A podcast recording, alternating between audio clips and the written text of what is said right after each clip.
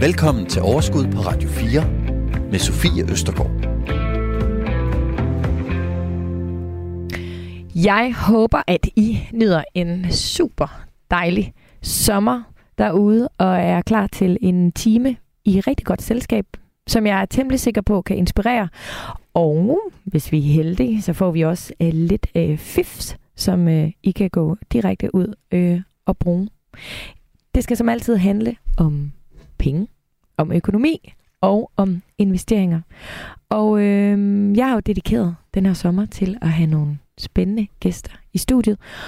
Og øh, det har jeg også i dag. I dag der skal I høre fra en øh, kvinde, som øh, i mange år har forsket i fremtiden, men som også er blevet tv-vært, og som øh, engang ikke havde særlig meget styr på sine pengesager. Men det har hun i dag, og det er egentlig også ret heldigt i forhold til, at hun er vært på Luksusfælden. Velkommen til Overskud.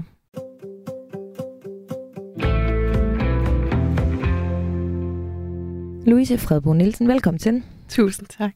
Har du det godt? Jeg har det dejligt. Mm. Du skal snart være mor til tre. Ja, det skal jeg. jeg har det nok bedst, når jeg glemmer det faktum. Er det rigtigt? Ja.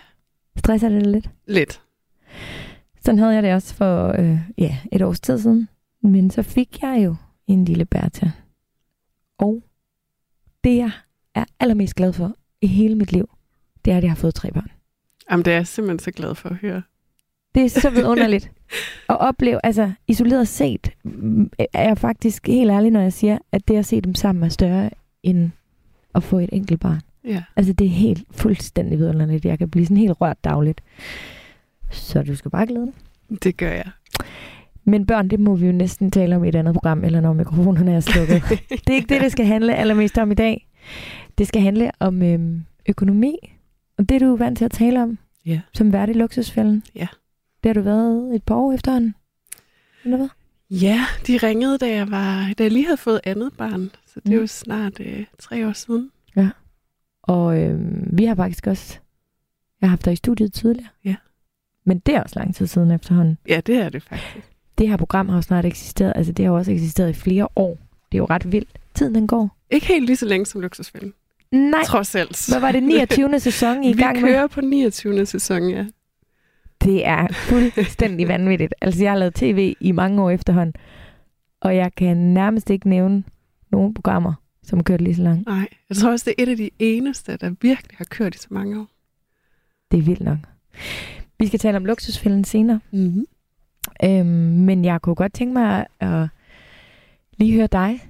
Din egen økonomi. Det her er jo et økonomisk portræt. Hvordan ser den ud? Ja, hvordan ser den ud? Altså nu med den tid, vi har nu, kunne den godt se bedre ud, vil jeg sige.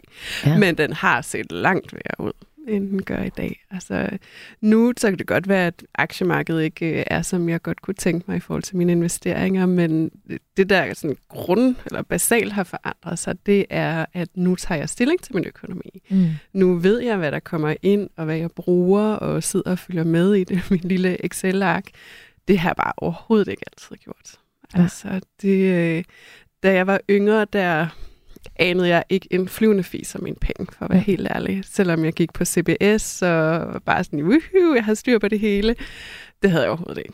Altså, det der med privatøkonomi, det var bare en by i Rusland. Det var en by i Rusland, og øh, vi skal tale om det i dag. Vi skal dykke tilbage og finde ud af, hvad det var der, hvordan det var dengang, men ikke mindst, hvad du så gjorde for øhm, at få styr på det. Øhm, men altså, det er for sindssygt. Du, du, snak, du siger selv, hvor mange, altså tiden den er, som det er, og altså jeg kan virkelig mærke det. Altså, at priserne er steget, som de er. Ja. Det er helt sindssygt. Mm. Altså, man kan stå i supermarkedet og lige pludselig være sådan, what? Altså, priser der bare er fuldstændig sted til himlen. Ja. Tænker I mere over det lige nu i forhold til, sådan, hvad I så spiser? Og... Det gør vi. Altså nu, jeg handler på øh, et online supermarked hver uge, og der kan jeg jo se lige pludselig, det er jo blevet vanvittigt meget dyrere Mm. at købe de samme ting, fordi jeg jo har min sådan favoritliste. Ja. Det koster bare mere. Så øh, altså, vi, vi har hævet alle vores øh, dagligdags budgetter og lagt- lægger flere penge til side. Ja. Så det gør så det kan vi virkelig mærke. Hvad, hvad, hvad har I så, øh, hvad skralder I så ned på? kød. Ja. Det, det er jo faktisk sådan en, øh, fordi jeg vil meget gerne, ikke for at være mega heldig, men købe økologisk kød. Mm. Og så vil jeg hellere have få dage med kød, end at skulle have kød hver dag. Ja. Fordi det er bare dyre. Det er helt det samme hjemme hos os, og jeg har i, faktisk i, altså i lang tid efterhånden været sådan, vi behøver ikke at kød hver dag, og Mm. Sebastian er også sådan, min kæreste, ja, nej, det behøver vi måske ikke, men omvendt, så er der også bare noget vane i, altså særligt når han laver mad og sådan noget, så kommer kødet altså, øh, det sniger sig bare ind, fordi det er ligesom en vane, og det er lidt ligesom det, han er vant til. I forgårs, der sagde han, nu skal jeg bare ikke, nu, vi skal ikke have kød, det er dyrt. så måske kan det også, øh, øh, hvis Men- man har en idé om ikke at spise så meget kød, hjælpe på det. Det er jo det, og der er stigende priser er jo faktisk et godt incitament til at ændre på nogle af vores gåsøjne lidt dårligere vaner. Så lad os øhm, vende den der, lad den ligge der og Ja. sige, det kan måske også et eller andet, men det er safthus med hårdt for øh, pengepunkten. Men øh, Louise, velkommen til. Tusind tak. Du lytter til Overskud på Radio 4. Dagens gæst er fremtidsforsker og tv-vært Louise Fredbo Nielsen. Du var lige lidt inde på det, at det har ikke altid været sådan. Jeg tænkte sådan, du sagde, at det var en, en by i Rusland. Jeg bliver helt træt af at tale om Rusland. Så skal vi ikke skynde os videre. Der er også nogle andre En ting, vi skal... Ukraine. Ja, præcis. Ja, og omvendt er det selvfølgelig negativt, så det, jeg ved det ikke. Nå, det lader vi også øh, lynhurtigt ligge. Hvorfor? Hvorfor, hvorfor havde du øh, ikke... Øh, altså, hvad skete der? Hvorfor havde du ikke styr på økonomien? Da jeg voksede op, jeg er fra Nordjylland og voksede op med øh, en øh, mor, der var enlig forsørger ikke mange år til to børn. Og øh, økonomi, det var bare aldrig rigtig noget, vi snakkede om. Altså, det, vi har aldrig manglet noget, men det var ikke en del af vores hverdagssnak. Penge, det var sådan et nødvendigt onde, som vi selvfølgelig skulle have, for at komme med på bordet, men længere var den bare ikke. Og jeg har faktisk aldrig snakket med min mor sådan om budgetter, før jeg flyttede hjemmefra, og det begyndte at gå rigtig meget ned ad bakke. Så, øh, så det var ikke lige noget, der sådan var top of mind for mig. Har du et indtryk, når du kigger tilbage, har hun, har hun ligesom skulle spinkle og spare for at få det til at løbe rundt?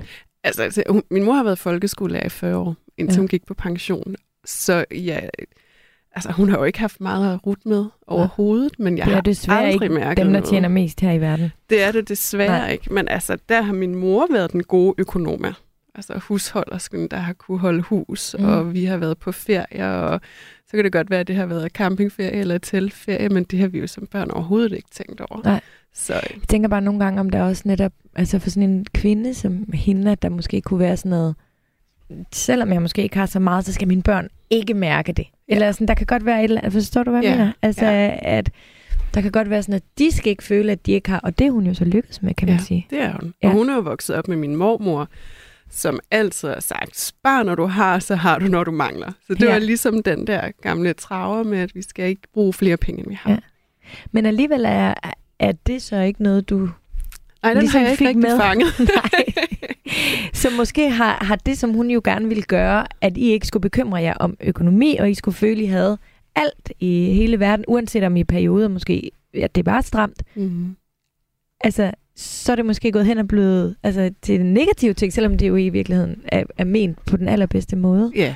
Ja. fordi jeg har i hvert fald ikke tænkt over, at penge det øh, var noget, der var, Nej, der var hårdt at få fat i. Eller sådan. Og det er jo heller ikke Nej den, præcis, den det var der jo tanke- bare. Det ja. var der jo bare. Mm. Mm. Og jeg synes heller ikke, at vi skal tænke på penge som noget, der er hårdt at få fat i. Fordi mm. det er jo også sådan en, åh, vi skal slide for, at pengene kommer til os. Det er jo ikke altid helt rigtigt. Ja.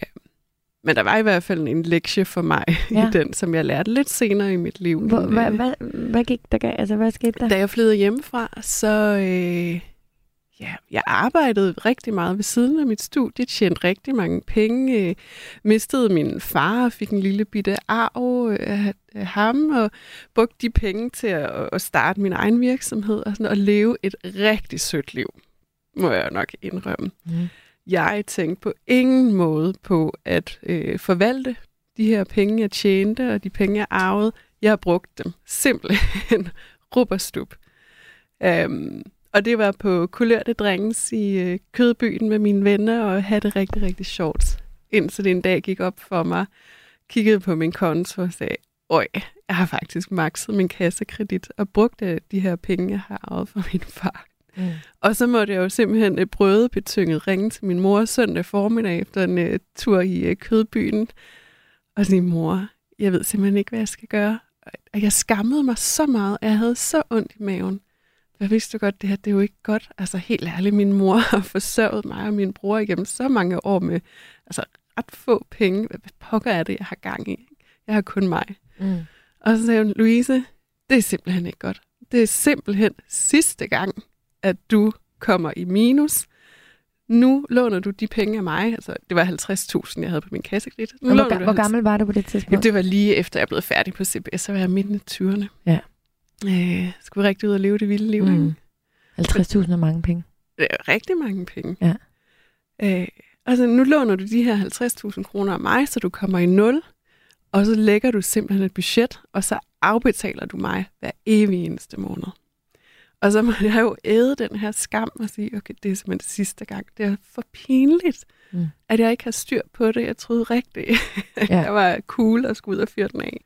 Men det var den her økonomiske hverdagsforståelse, jeg manglede med at ligesom at holde styr på, hvad bruger jeg på mad, hvad bruger jeg på at gå i byen, burde jeg lige lægge noget til side til pension og til opsparing og alt det her. Det var det overhovedet ikke i dit hoved.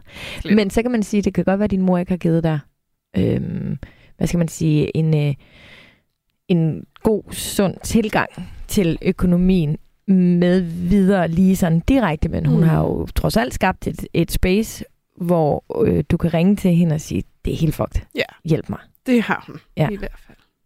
Og så lånte hun pengene? Det gjorde hun. Og så måtte jeg æde skammen, og så arbejde mig derfra. Og hvor meget skulle du betale af, kan du huske det? Og jeg betalte jo de 50.000 af. Ja, men sådan hver måned? Hvad, Nej, det kan jeg faktisk ikke engang huske. Det var ikke særlig meget, fordi jeg skulle jo lige sådan... Er du færdig med at betale det med? ja, trods alt. Ja, det gik relativt hurtigt. Ja. Ændrede du så dit... Øh, altså, der må jo være nogle ting, du ikke kunne, altså når du ligesom fik lagt et budget? Jeg kan faktisk ikke huske så langt tilbage, men det var mere den der forståelse af, at, at det, det er jo ikke rart. Altså, jeg sad jo vidderligt med våde øh, håndflader og bankende hjerte, når jeg skulle logge ind på min netbank. Mm. Det var jo så ubehageligt, fordi jeg vidste jo godt, at jeg ikke havde styr på det. Og jeg vidste jo godt, at jeg burde have styr på det. Ja. så det den der med ligesom, okay, nu, øh, det, det, det har jeg faktisk ikke lyst til mere. Bare luk øjnene, og så kør ja. kortet igennem. Ja. ja. Men det, jeg tænker, det er, om du lavede din livsstil om. Altså, du kunne ikke stå i kødbyen og drikke kulørte drinks flere aftener om ugen, så. Nej. Altså, det skruede jeg ned for. De ja. der dyre middage nede på fiskebaren, og hvad har vi, der blev fyret op for? Skruede ned for det. Ja. Og så fik du... Var det, var, det, var det budgettet, eller hvad? Det lyder bare så, Jamen, så let. Jeg eller sådan, et... Men det er jo også det, I gør i luksusfænd. Altså, ja, det og det simpelt. er jo ikke så let. Altså, men jeg tror, det der med, jeg havde jo ikke rigtig lavet et budget før. Altså, så, så at sætte sig ned og rent faktisk analysere, altså, totalt ligesom vi gør i, i luksusfælden i dag, analysere, hvad er det egentlig, jeg har brugt mine penge på det seneste år. Mm. Altså, det er jo en enorm øjenåbner, når jeg kommer ud med luksusfælden, men det er altså også en enorm øjenåbner for mig selv. Og jeg gør det stadigvæk den dag i dag. Holder styr på de forskellige poster, hvad det er, jeg bruger penge på. Fordi man kan nemt lulle sig ind i sådan, ja, jamen, jeg har ikke brugt særlig mange penge på at være ude og spise, og sådan, okay, det, det har jeg faktisk, når jeg kigger på de reelle tal. Ja. Så det er jo en evig øvelse for mig i at, øh, at holde mig til det budget. Men jeg tror, det er den der med bevidstheden, der kom. Det var en kæmpe game changer. Mm. At jeg kan ikke blive ved med at bare lukke øjnene for det. Jeg bliver nødt til at åbne mine øjne og tage ansvar for det. Og øh, jeg troede, jeg var den eneste, der ikke havde styr på det. Fordi mm. der var ingen, der snakkede om penge på det tidspunkt. Jo, så snakkede vi om øh, virksomheder og på den måde. Men privatøkonomi, det var bare ikke noget, vi snakkede om. Mm. I hvert fald ikke i min omgangskreds, ikke min familie eller noget som helst. Mm. Så det med at få taget hul på den, det gjorde altså en forskel. Ja. Og så gik der nogle år, hvor jeg prøvede at, at finde ud af det hele og blive voksen. Og altså, øh, ja, det der med at skulle lande på arbejdsmarkedet også. Og så mm. mødte jeg min, øh, min kæreste, som er min kæreste i dag.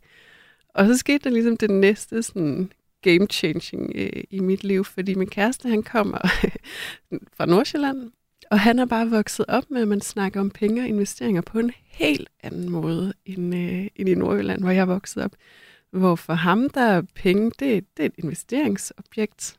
Øh, han er vokset op med forældre, der investeret i ejendomme og altså, aktier. Hans far investerer mig i aktier. Og sådan, altså, hele den der verden, der sådan åbnede sig for mig, da jeg mødte ham, var bare sådan next level og mega spændende, synes jeg. Mm. Men så sad jeg også tilbage og bare tænkte, ej okay, jeg må være den eneste i verden, der føler, at jeg ikke fatter en flyvende fis af det her. Jeg må virkelig være dum, siden jeg ikke forstår det her. Ja. Kender du så det der med sådan at prøve at snakke med og, lade, og, ja, sådan, og nikke, når der er ja. nogen, der siger, nej, jeg er helt sikkert. Mm, ja. mm, mm. Og så sidder man der og føler sig noget så dum. Ja.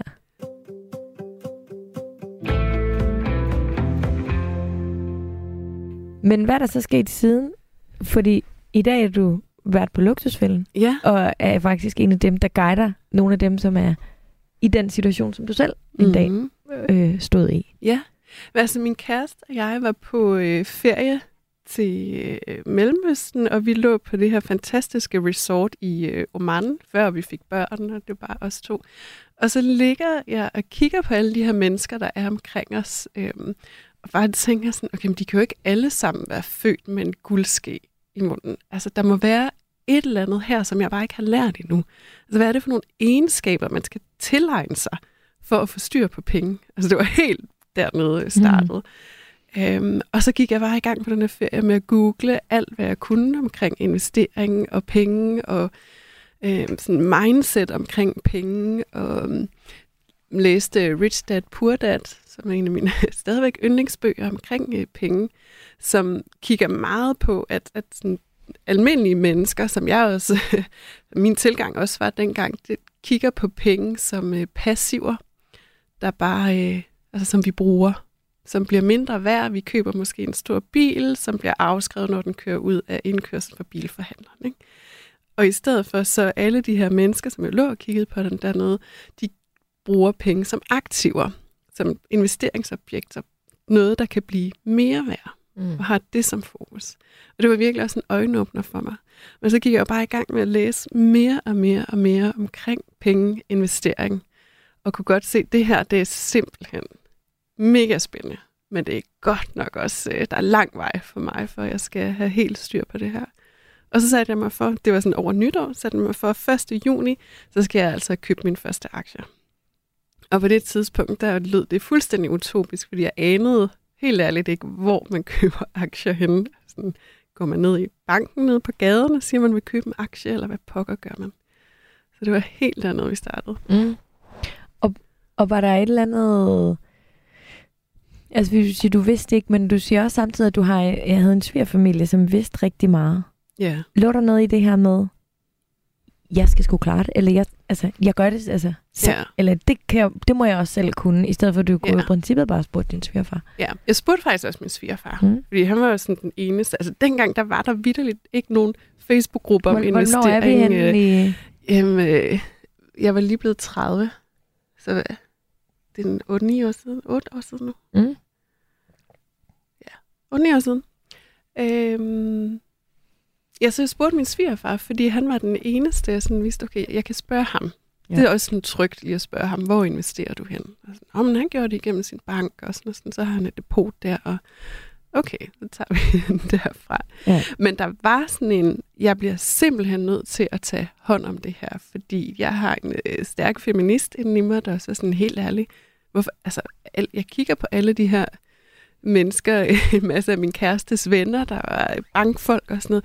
Hvorfor er det, de kan finde ud af det? Mm. Altså, jeg, jeg burde simpelthen også ja. få styr på det her. Og så fik du styr på det? Ja, med meget små skridt. Jeg satte mig simpelthen for at lære alt, hvad jeg kunne om investering på det her halve år. Læste, læste, læste, hørte. Det eneste, der var dengang, det var Millionærklubben, som jeg lige kunne finde i hvert fald øh, danske øhm, programmer omkring penge og lyttede til alt, hvad de sagde, og sad jo ved computeren og googlede alting, fordi jeg ja, fordi ikke det, Nej, præcis. Det er et hårdt, det er et hårdt sådan begynderprogram, ikke? Ja, altså, det er det. Det er jo virkelig øh, fedt, når man ligesom har, men, men, men hvis man sidder der lidt alene, så kan det, ja. så kan det også være lidt svært. Ja. Men så er det godt, du havde Google til hjælp os. Ja, Google ja. kan rigtig mange ting. Det vil sige, det er nye øh, investors bedste ven, det er altså Google. Mm.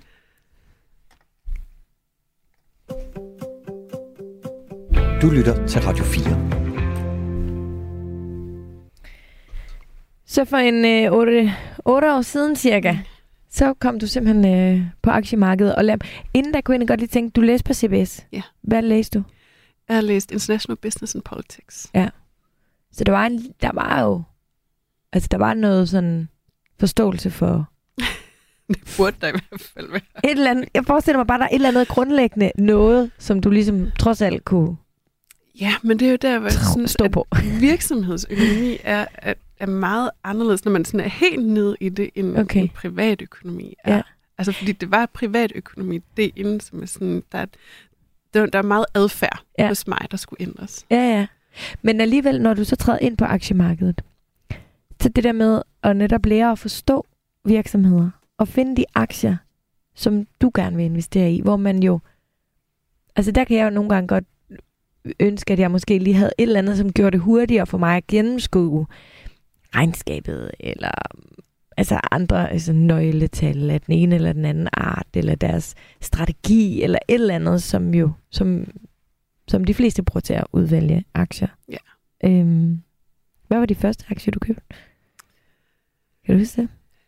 Jeg tror, jeg købte et par forskellige. Fordi der var jo også i det halve år, hvor jeg gerne ville i gang med at investere, og jeg ligesom skulle få lagt nogle penge til side. Og jeg Mhm. besluttede mig for, at jeg vil gerne starte med 50.000 kroner. Så mens jeg studerede, så fik jeg lagt 50.000. 50.000, det er ligesom sådan Ja, det er boss amount i, i, din historik. ja.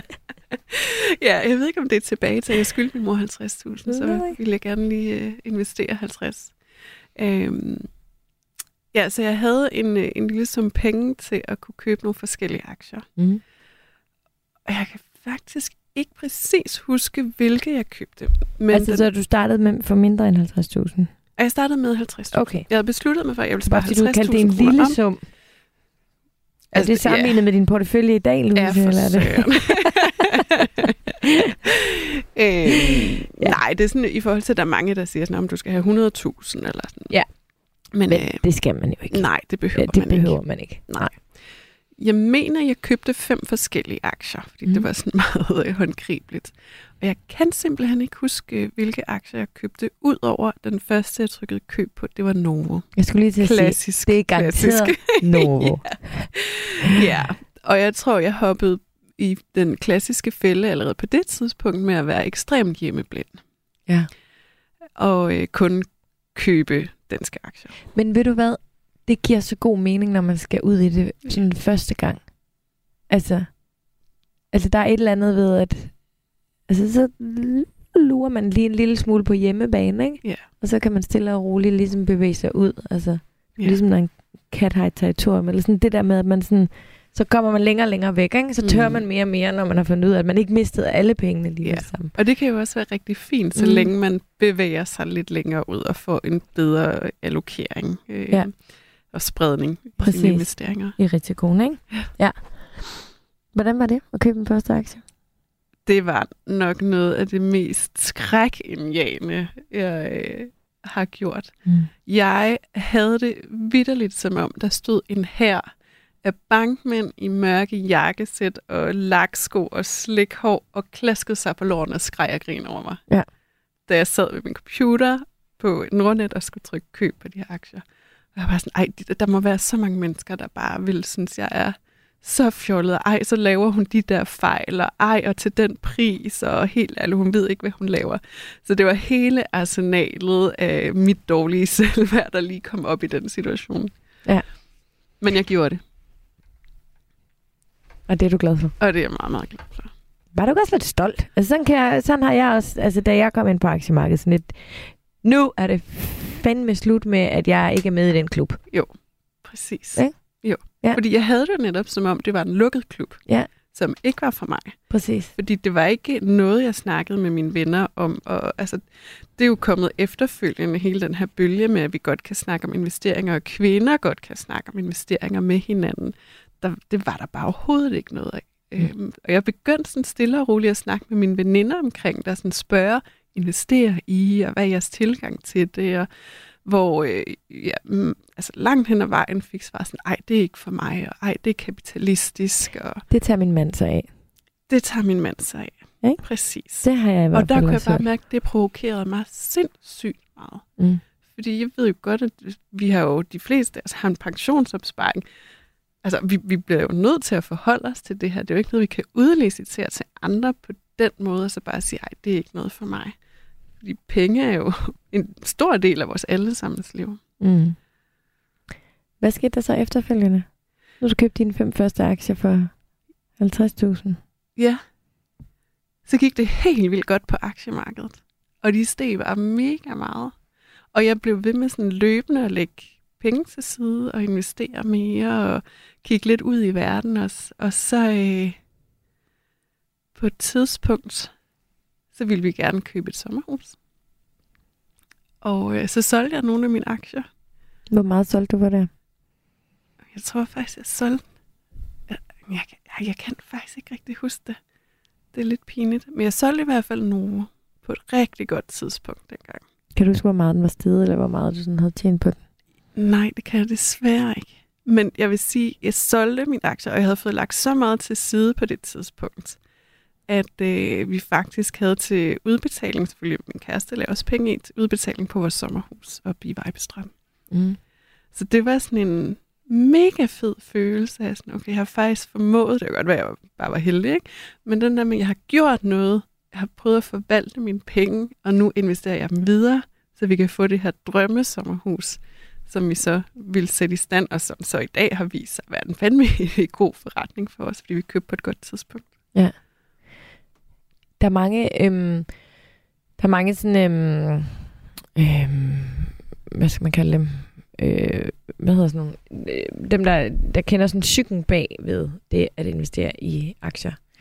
Øhm, de, de, de taler lidt om, at de dårligste investorer, det er dem, som kommer med øh, på en optur, hvor man bare, du ved, har netop følelsen af sådan, kæft, jeg er bare mega god til det her. Mm. Det kører bare. Yeah. Som jo egentlig rammer, altså øh, dig, kan jeg høre, men også mange af dem, der er startet her under corona. Ja. Altså fordi det er jo bare gået op, op, op, op, op, op, op, op, op, og alle er bare sådan, what, jeg er bare alt for fed. Jeg kan forudsige, øh, at den lander på rød på casinoet, eller sådan, altså vi, vi kan sådan blive lidt for flyvske i det, eller lidt Ja. for sådan, wow, det kører bare for fedt, og dermed også måske glemme, at det gør det ikke altid, fordi mm. det er Mm. ligesom den eneste oplevelse, vi har haft. Passer det til dig, eller, fordi nu siger du også selv, eller heldig. Altså, mm. er Mm. det måske en af de ting, du sådan ligesom havde fået med, at du godt vidste, at det kunne den- gå den anden vej? Eller? Det vidste jeg godt.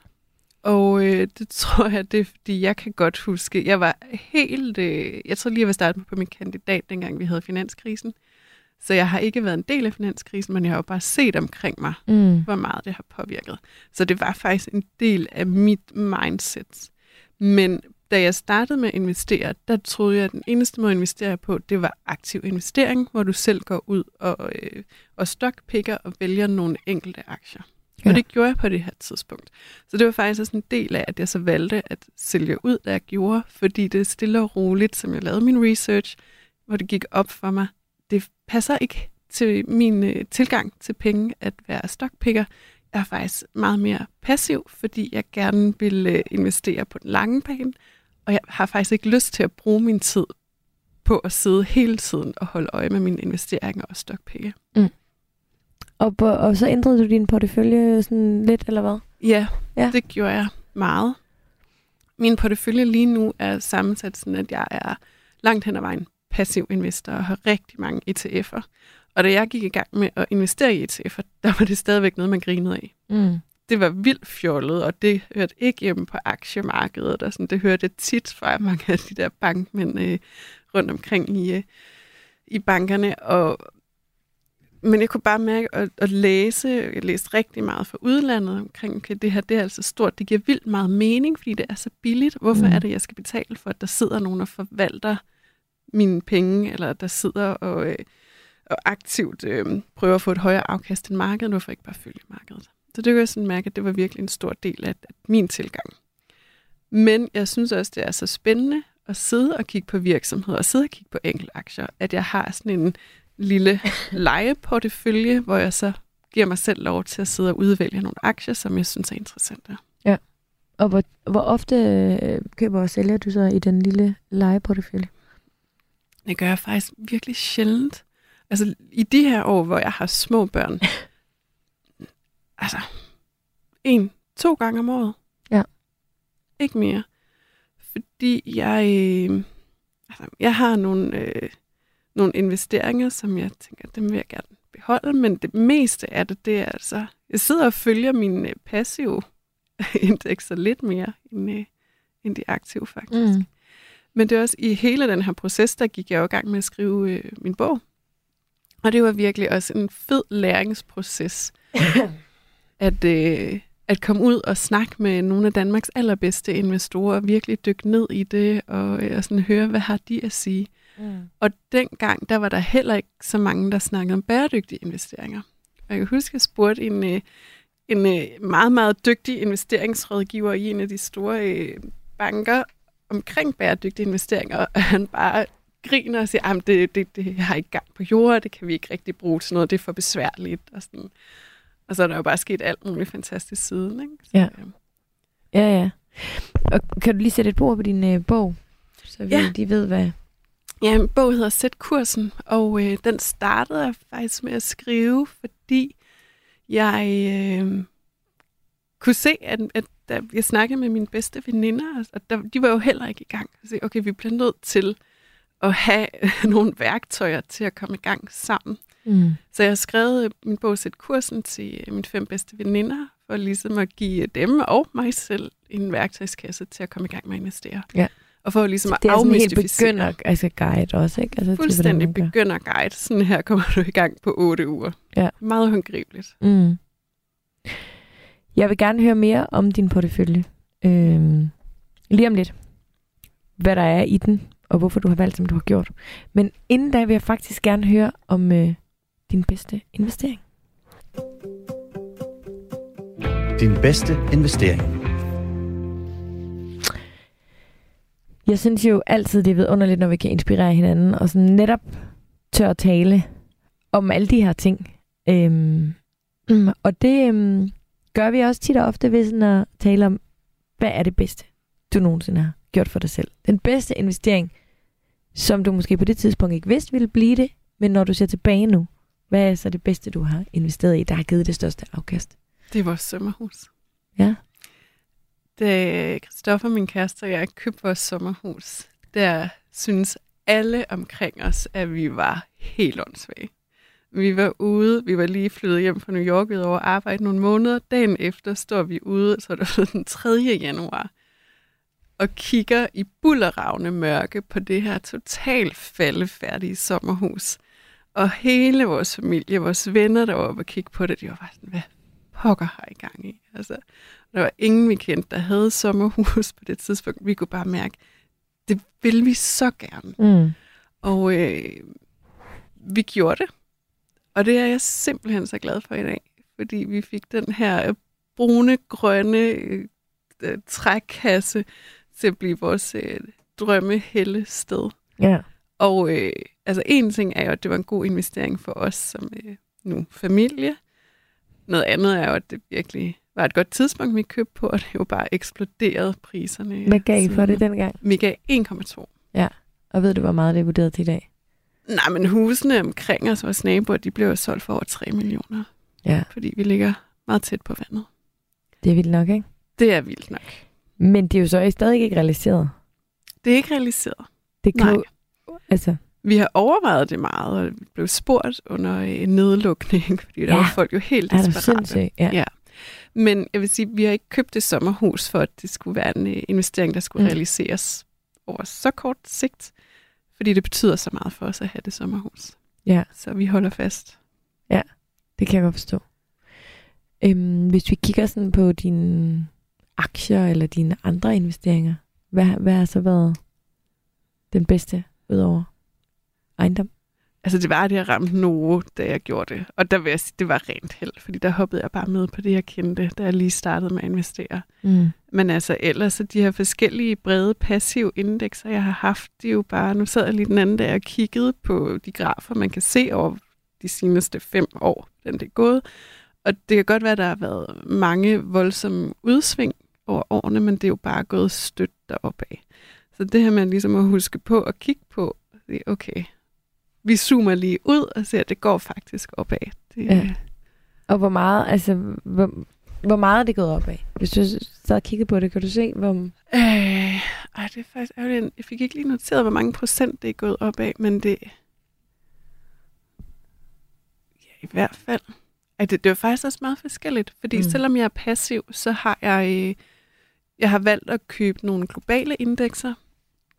Så har jeg valgt at købe nogle øh, grønne øh, cleantech øh, ETF'er, og så har jeg valgt at købe nogle forskellige. Jeg tror også, jeg har noget emerging markets, og øh, så har jeg noget mere europæisk. Så jeg prøver at være sådan meget bred på de spredninger.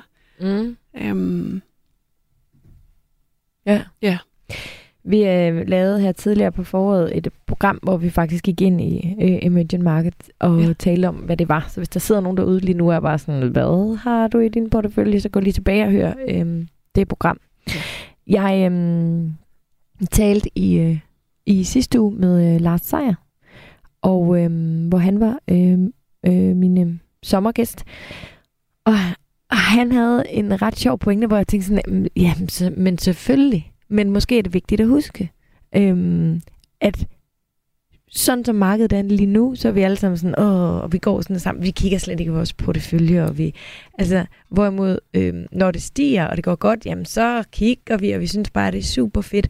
Og der har vi som mennesker mere lyst til at købe, og mere lyst til at, øh, øh, altså, være en del af fællesskabet, og være en del af noget, der går opad. Men som han siger, i virkeligheden, så er det jo faktisk nu, vi burde have på, og det er jo nu, vi burde egentlig købe op. Han snakkede så om, at han mener ikke, at markedet falder meget, meget mere, men øhm, det, det skal vi jo selvfølgelig selv vurdere. Men det er jo lidt den der modstand, fordi når det går ned, så er vi alle sammen bare sådan, Åh, det er sådan lidt irriterende og negativt, og jeg gider ikke have noget med det at gøre, og jeg lukker bare øjnene for det, hvor vi jo faktisk nu burde måske dykke ned i det. Ja. Er du god til at twiste det? Altså sådan, eller er du sådan ligesom de fleste andre, der altså, bare det er sådan... faktisk noget, jeg har skrevet ned på min sådan, huskeliste over, hvad jeg overhovedet ikke øh, skal gøre, eller hvad jeg skal gøre, min, sådan, min, øh, mit mindset i forhold til mine penge. Det er noget, jeg har lært ret hurtigt, øh, og det var noget, der var rigtig mange, der sagde til mig, da jeg skrev min bog af de her super investorer. Så det er sådan noget, jeg har, jeg siger til mig selv igen og igen. Og det er jo der, hvor jeg som fremtidsforsker, også, når jeg kigger på vores adfærd, jeg synes, det er sindssygt spændende, hvordan vi reagerer med aktiemarkederne. Mm. Det som Lars Seier også var inde på, med at vi kan simpelthen ikke lige inde i vores abehjerner, når tingene ikke går godt. Altså, og så er det jo, at vi paniksælger, i stedet for måske at, at holde fast i vores investeringer til bedre tider, eller holde fast i den strategi, vi jo forhåbentlig har lagt, øh, ja. før vi investerer. Ja. Så jeg synes, det er mega spændende, også som investor lige nu. Mm. Og jeg har faktisk solgt rigtig meget ud, så jeg har kontanter så jeg, når jeg lige får tid. Men har du så solgt nu her i nedgangstid, eller hvad? Eller... Nej. Nå, okay, så Nej. du solgte inden. Ja, heldigvis. Ja, ja. ja er du sindssygt, mand. Ja. ja, men jeg vil også anbefale jer alle sammen, hvis I ikke har hørt programmet med Lars Seier, så hop lige tilbage øhm, og lyt til det. En mand, der tjente omkring 2,6 milliarder på at sælge. Altså, det, var helt, det var helt vanvittigt. Men øh, jeg hopper tilbage, inden jeg hørte det program. Det, det var også ret spændende. kroner, ikke? Nej, så, så er det, når man, altså sammenlignet, og det er det, jeg mener, alt er jo selvfølgelig relativt, når man lige har siddet og talt med ham. Men øh, ja, i min verden, og i din verden, yeah. kan jeg forstå, og i langt de fleste verden, så 50.000 kroner faktisk, øhm, virkelig mange penge. Du lytter til Overskud på Radio 4. Dagens gæst er fremtidsforsker og tv-vært Louise Fredbo Nielsen.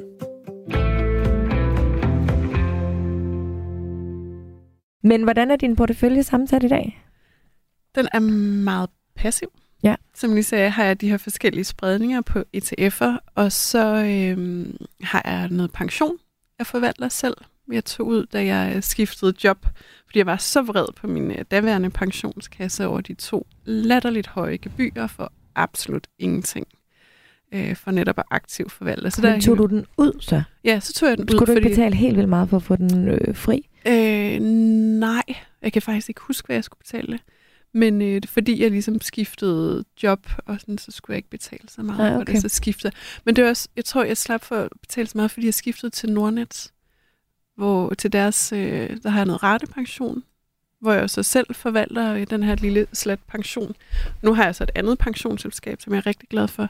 Men så har jeg også øh, min alderspension ja. ved siden af, som jeg startede dengang det stadigvæk aldersopsparing. var. Aldersopsparing. Mm. Der kan man stadigvæk kunne sætte de der, hvad var det, nogle af 20.000 ind på den. Ja. Nu er det så kun 5.600 ja, 5.600 ja. om året. Men øhm, må lige blive ved pension? Ja. Hvad gør du med forsikringer så? Fordi det er en af de grunde til, at jeg betaler altså sådan minimum ind til min pension. Og så når ja. året er omme, så ser jeg, om jeg har luft til at betale mere ind.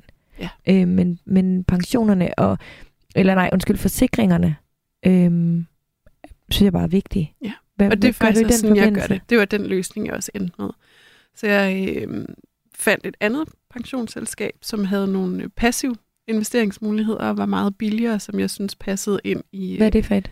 Velliv. Velliv. Ja. Um, fordi jeg også synes, at forsikringen er rigtig vigtig. Men hvis man gerne selv vil gå derhen, hvor man forvalter sin pension, så kan du jo godt tilkøbe forsikringerne selv, udenom dit pensionsselskab. Ja, bare ved et almindeligt forsikringsselskab. Mm. Og det kan så godt være, at det bliver lidt dyrere, så der må man jo kigge på, hvad der kan betale sig. Ja, helt klart. Ja. Var det det om porteføljen, eller afbrød jeg? Nej, men så har jeg også øh, for nylig øh, besluttet mig for at lave øh, aldersopsparing til vores børn. Ja. Som jeg indbetaler til hver måned. Det er jo så ikke så mange penge, jeg kun indbetale 500 kroner om måneden, for ikke at komme over det her max på 5.600. Øh, men det var, øh, altså de har også børneopsparing, den klasse, bør, klassiske børneopsparing i banken. Men jeg vil rigtig gerne give dem en økonomisk gave, som jeg synes over tid giver rigtig, rigtig stor mening, eller god mening, fordi der er så meget øh, renters rente, der bliver tilskrevet over de her næste mange år, indtil mine børn kan gå på pension. Ja, og at det, um, der er så meget snak om, um, du ved, at, at øh, Øh, vores generation, eller altså voksne i dag, um, der er i hvert fald rigtig mange, der enten øh, altså, det fejrer er jo populært, men ellers det der med at kunne gå på pension, når jeg vil, og det ene og det andet, hvor kon- øh, modreaktionen er lidt også på det, jamen, du skal også, altså sådan har jeg det i hvert fald nogle gange, det der med, at du skal sørge for at have det fedt også, mens du er her. Altså nu er jeg også, du mistede din far øh, tidligt, jeg mistede min mor tidligt, hvor jeg sådan, der kan jeg godt nogle gange i forhold til tankerne om, hvad jeg gør for mine børn i forhold til økonomi, så er, altså Bertha er otte måneder nu, der er safthus med lang tid til hun en dag, altså, og hvem ved, altså, hvis hun ikke tager sin egen vej og skal følge folkepensionistalderen, så skal hun formentlig være 111 eller sådan et eller andet. ja. Helt absurd og sindssygt, hvor jeg sådan, jeg ved ikke, om hun lever så længe. Altså, og så er det måske også fjollet at begynde at tænke i deres pension øh, nu. Øhm, altså, så, så der har jeg været sådan lidt, mm, så er det måske federe at opspare sammen til noget, som de kan bruge lidt tidligere i livet. Mm. Hvad du, altså? Men det er fordi, jeg synes, det giver god økonomisk mening at lade pengene stå og arbejde i så mange år.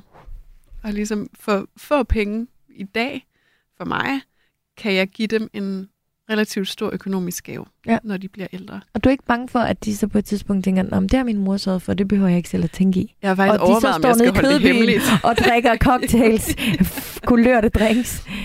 Har du overvejet det? Fordi ja. det kan jeg også nogle gange tænke i. Det har jeg virkelig overvejet meget.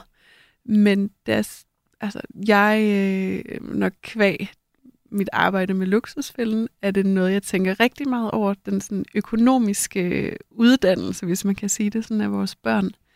Fordi de skal for guds skyld ikke bare tro, at de får alt. Øhm, så jeg har faktisk overvejet, om jeg skulle holde den der aldersopsparing hemmelig for dem. Hvor lang tid også, kan man det til de er 18, Det er også lige det, ikke? øhm, ja, men jeg, jeg, jeg håber, at jeg kan gøre et så godt arbejde omkring økonomi til dem, at de ikke bliver alt for forkælet. Det er jeg sikker på, du kan, Lise. Hvis der er nogen, der kan, så er det i hvert fald dig. Du lytter til Radio 4. Og øh, jeg kunne godt tænke mig øh, her til sidst netop at tale om øh, luksusfælden. Ja. 29. sæson, det har vi nævnt. Det er jo i sig selv helt sindssygt. Øhm, hvordan kan det være, at du sagde ja til at være vært på øh, Luksusfælden? Da den søde caster ringede, der stod jeg med øh, Ingrid, som på det tidspunkt var en lille baby, og jeg havde min mødergruppe på besøg. Og øh, Pauline Karsten lægger en besked på, øh, på min telefonsvar, da jeg hører den. Jeg, jeg, jeg taber simpelthen kæben og bare sådan til mødergruppen. Skraldgriner, nu skal I høre det her. Det er så absurd. Helt vildt. Luksusfælden har lige ringet for at spørge, om jeg ikke vil være vært og komme til casting.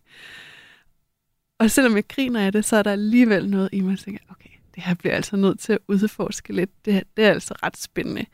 Fordi noget, der har drevet mig igennem de sidste mange år, det er den her økonomiske uddannelse. Det er øh, i høj grad økonomisk ligestilling. Og det var også derfor, jeg skrev min bog, for ligesom at ja. åbne op for, at vi alle sammen godt kan, kan få styr på vores økonomi, og specielt os kvinder. Så øh, jeg tænkte, jeg blev simpelthen nødt til at prøve at udforske det her. Og så var jeg inde til de forskellige castings, og jeg synes jo stadigvæk, det er helt vildt, at de valgte mig. Men der kunne jeg bare mærke, at det her, det, det kommer til at rykke rigtig meget, hvis jeg siger ja til det, fordi det er nogle andre mennesker, vi er ude ved at hjælpe, end der måske læser min bog omkring investering. Vi starter et helt andet sted. Så jeg vil virkelig gerne være med til at gøre en økonomisk forskel for, øh, for endnu flere mennesker. Mm. Og der er noget luksusfælden jo rigtig bredt ud også. Har du, øhm, har du tænkt over, hvorfor de ringede til dig? Eller har du spurgt dem? Ja, det var fordi øh, kasterne havde læst min bog. Ja. Og så tog de chancen og ringede. Og det er jeg jo sindssygt glad for og beæret over, at mm. øh, de gjorde. Hvordan øh, har det så levet op til de forventninger, som du jo... Altså du ved nogle gange sådan, at jeg har ikke nogen forventninger til arbejde, som kommer. Alle har jo en eller anden ja. idé om, hvordan noget skal foregå. Hvordan, mm. hvordan havde du det? Altså, jeg har jo også set de gamle luksusfælden-programmer, og der er mange af dem, der er meget hårde. Ja. Og øhm, det var det, jeg havde en forventning om, at det også ville være hårdt. Men jeg havde mange snakke med den fantastiske redaktionschef, Marie, derinde øhm, omkring det, fordi det var vigtigt for mig, at jeg skulle kunne gå ind til det og være mig. Altså ikke, hvor jeg skal spille en anden rolle, men nu er vi bad cop, good cop, eller sådan. Så det var faktisk også en af årsagerne til, at jeg turde sige ja. Fordi det var, var de sådan... med på den? Fordi det kan man godt, når man ser programmet, sidde og tænke, okay, nu skruer de lige op for ja. et eller andet her, fordi det gør, det gør godt tv. Ja. Mm. Der var det også meget vigtigt for dem, at jeg skulle gå ind til det og være mig selv fordi de, de er faktisk ikke interesseret i, at det skal være så hårdt. Altså, fordi der er også sådan, jeg synes, at programmet har ændret sig rigtig meget over de sidste par år, til at det ikke nødvendigvis bare skal være hårdt for at være hårdt og godt fjernsyn, men til at det handler meget mere om den menneskelige historie. Og det kan jeg rigtig godt lide, og det vil jeg gerne være en del af. Mm. Så jeg er, spiller på ingen måde en rolle, når jeg går ind til de her mennesker, vi møder, når vi er ude øh, og optager. Ja. Men det kan, det kan undre. Altså, jeg har efterhånden nogle af års erfaring med tv også. Altså, at de siger, at det faktisk ikke er det, de gerne vil have. Fordi det er jo lidt det, luksusfælden altså, er kendt for. Mm. Og, og man kan godt sidde og tro, at det er det, de gerne vil have. Yeah. Har, har det ændret sig så? Altså til de nyere sæsoner? Jeg synes virkelig, det har ændret sig. Men har deres, øh, deres mål med programmet også ændret sig? Yeah. Eller har det været Altså noget, de ikke har søgt tidligere, eller... Altså nu skal jeg jo ikke kunne tale på TV3's nej, nej, det er vegne, men, men det kunne det, godt være, at du ved, at de ligesom sagde, at strategien er ændret lidt, ja. men det har du ikke hørt Det er min helt klare opfattelse, at den faktisk har ændret sig mm. til at blive lidt mere menneskelig. Ja. Øhm, og, og det kan jeg rigtig godt lide, og det er, bliver stoppet rigtig mange mennesker på gaden, der faktisk siger det, at de synes, at det programmet har ændret sig, og det er der mange, der synes er virkelig dejligt. Ja. Så, øh, det ja, fordi man kan godt nogle gange få følelsen af, øhm, altså jeg har sammenlignet det lidt med de, med de, med de unge mødre, altså og jeg har elsket at se luksusfælden. altså, der er ikke, altså, men det der med, at man også kan sidde lidt med fornemmelsen af, altså, at, så er jeg ikke så tosset. Mm. Altså både de unge mødre som mor, og det, altså at det er sådan lidt, vi sidder så jogger vi lidt på nogen, der måske har det svært ægte har brug for hjælp i, mm. i luksusfældens uh, tilfælde, og at man så altså, så sidder vi lidt og griner af det, eller sådan også, altså, kan du forstå, hvad jeg mener? Yeah. Sådan har det i hvert fald været, synes jeg, på et tidspunkt. Yeah. Øhm, gjorde du der nogle overvejelser i forhold, altså var det sådan en mission, at du ville gerne gå ind og ændre det til et lidt mere positivt yeah. sted at være? Ja. Og, ja. Og det synes jeg faktisk også hele holdet bagved, fordi det er jo ikke kun os eksperter, der kommer Nej, det er klart. Der er jo et helt hold, der ligesom er med til at skabe retningslinjerne, men også når vi er ude på optagelser, og sådan lige holde øje med, hvordan passer vi godt på folk, eller var det for meget, og så videre. Ikke? Mm. Men der sker jo selvfølgelig også meget i posten, når programmet bliver klippet sammen, og det, også, det skal jo være godt fjernsyn. Så den ligger der jo stadigvæk som præmis, at det skal være noget, folk gider at se, og det ja. skal være noget, hvor folk gider at se det videre efter reklameblokken. Mm. Men øhm, og, og selvfølgelig så sker der nogle gange nogle ting, når vi er på optagelse, hvor vi bliver vildt vrede. Altså, jeg, jeg har lavet to programmer, hvor jeg virkelig kunne mærke, at nu blev jeg simpelthen så rasende. Hvorfor? Det var øh, begge gange, var det fordi deltagerne ikke ville gøre noget som helst. Okay. Og havde meget sådan offerrolle tilgang til deres økonomi, og tænkte, at øh, vi kunne komme og bare fikse det hele med en tryllestav. Mm. Og det her med at, ligesom at, at kalde på det helt hold øh, fra luksusfælden, og så bare ikke vil gøre noget selv, det provokerer mig dybt. Øhm, og specielt, når der er små børn involveret. Ja. Det, og, så, og når det sker, så bliver det jo også et, et hårdere program, fordi Mm. vi reagerer jo også på de følelser. I står jo derude. Det tager jo rigtig mange timer at optage Altså, og det er jo program. ægte familier, det her. Det er jo også Det noget, man skal huske på. familier. Ja. Ja, det er der. Vi kommer nogle gange ud og ser nogle ting, som ikke er særlig rare, og som jeg som mor synes er ubehagelige. Og så, så sker der jo nogle ting, altså meget øh, autentisk er det jo egentlig, men nogle ting i mig, hvor jeg reagerer på det, der er, øh, bliver vred, og det ved jeg da også nogle af mine medværter, altså, så, så bliver vi vrede, og så Mm. kommer det ud. Så bliver det måske klippet sammen, måske ud af kontekst nogle gange. Men øh, synes du, det er okay? Altså, har du, har du haft et program, hvor du bagefter var sådan lidt, ah, eller, fordi I har jo ikke noget som helst med klipning at gøre, vel? Nej. I har ikke gennemsyn på programmet og kan få lov til at sige, ah, der synes jeg, du klipper mig lige voldsomt nok. Det var ikke det, jeg mente. Men der stoler jeg fuldt ud på min tilrettelægger. Ja. Der jo så har det sidste også skulle Mm. have sagt i forhold til, hvordan det bliver klippet Ja. sammen. Kan, øhm, kan, altså, fordi det er jo på en eller anden måde lidt kontroversielt også, ikke? Og det er jo også fordi, uanset om vi vil det eller ej, så økonomi, der er så mange følelser bundet op ja. Ja. på det, ikke? Og det er, altså, jeg siger altid, økonomi er fundamentet til alt her i verden. Og nogen synes, det er det mest kontroversielle at sige, fordi så meget må man ikke gå op i penge. Men det handler jo bare om, at lige meget hvad vi gør, hvordan vi lever, hvad vores drømme er, hvad vi gerne vil, så har det en indflydelse på vores økonomi, uanset om vi bruger penge eller om vi ikke bruger penge. Og derfor træder I jo også ind i de her familiers et af de mest sårbare steder overhovedet, Mm. fordi økonomi er så definerende for, hvem vi er. Og det at lukke nogen ind og sige, vi har brug for hjælp, det må også være enormt grænseoverskridende. Ja. Og hvor ville det være fedt, hvis I bare kom med den der tryllestav. Og når I så oven i købet kommer og sætter krav, så kan jeg godt forstå det. At det kan være svært, og det ved jeg, det, det kan du selvfølgelig også. Mm. Men har du nogensinde oplevet, altså efterfølgende, altså at må gå derfra og, og nærmest tænke, mm, der, øh, vi, vi ses ikke igen, eller sådan- altså selvfølgelig er det sjældent, I ses igen, men at der nærmest bliver smækket en dør, og øh, at du ikke vil kunne se dem igen. Det har jeg oplevet en gang. Ja. Og det øh, blev også et sindssygt hårdt program, og det var der rigtig mange årsager til, men det var dybt ubehageligt, og det fløj rundt med trusler, og jeg ved ikke hvad. Det var virkelig et, et forfærdeligt program at lave. Men det er også den eneste gang. Jeg synes efterhånden, jeg har lavet en del programmer. Ofte så er det jo sådan, at vi, vi hører lidt, hvordan det går med folk bagefter, og jeg synes, meget tit og ofte, så jeg og hele holdet bagved, vi mega hæpper jo på, øh, på deltagerne mm. i den her måned, vi er væk. Vi har sådan en hovedbesøg, hvor vi optager i tre dage, og så er vi væk i en måneds tid, hvor de skal vise, at de godt kan klare at leve på det her budget, vi har givet dem. Øh, og vi hæpper helt vildt meget på, at de skal klare det. Så det er jo en enorm skuffelse også for mig. Jeg synes, det er så ærgerligt, når der er nogen, der vælger, at de ikke vil gå videre, fordi Ja. de ikke vil gå med på de krav, vi stiller. Og jeg vil sige, der er mange, der sådan, synes, eller tænker, at sådan, de krav, vi stiller med, nu skal I sælge bilen og sådan noget, det for at være hårde. Og det er det jo på ingen måde. Altså det hele... Sådan har jeg det kun, når det har noget med kæledyr at gøre. Ja, men der er ikke noget med... det er jo også en af de ting, som jeg synes var lidt hårdt tidligere, Ja. men det, det er jo ikke noget, vi går ind og, og rører ved mere. I rører ikke ved kæledyr længere. Nej. Okay. Jeg har i hvert fald ikke været med Nej. Til det.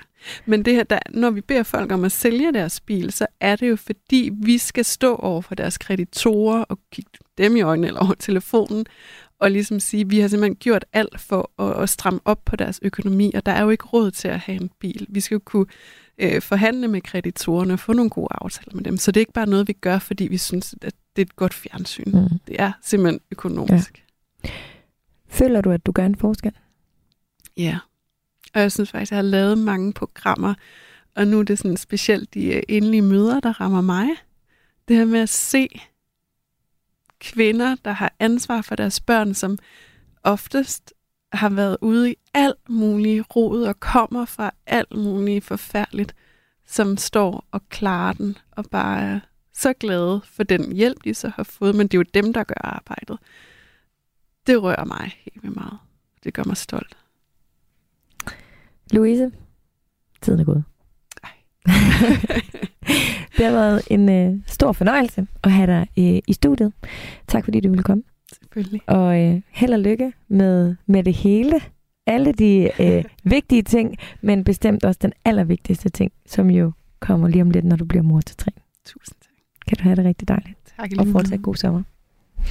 Programmet det var tilrettelagt af Anders Hermann og af mig selv. Og husk, at vi har en Facebook-gruppe. Den kan du finde. Den hedder Overskud Radio 4. Ellers kan du altid finde mig på de sociale medier. Du må gerne skrive, hvis du har en idé til et tema, vi skal tage op, eller hvis du bare har en kommentar. Tak for i dag.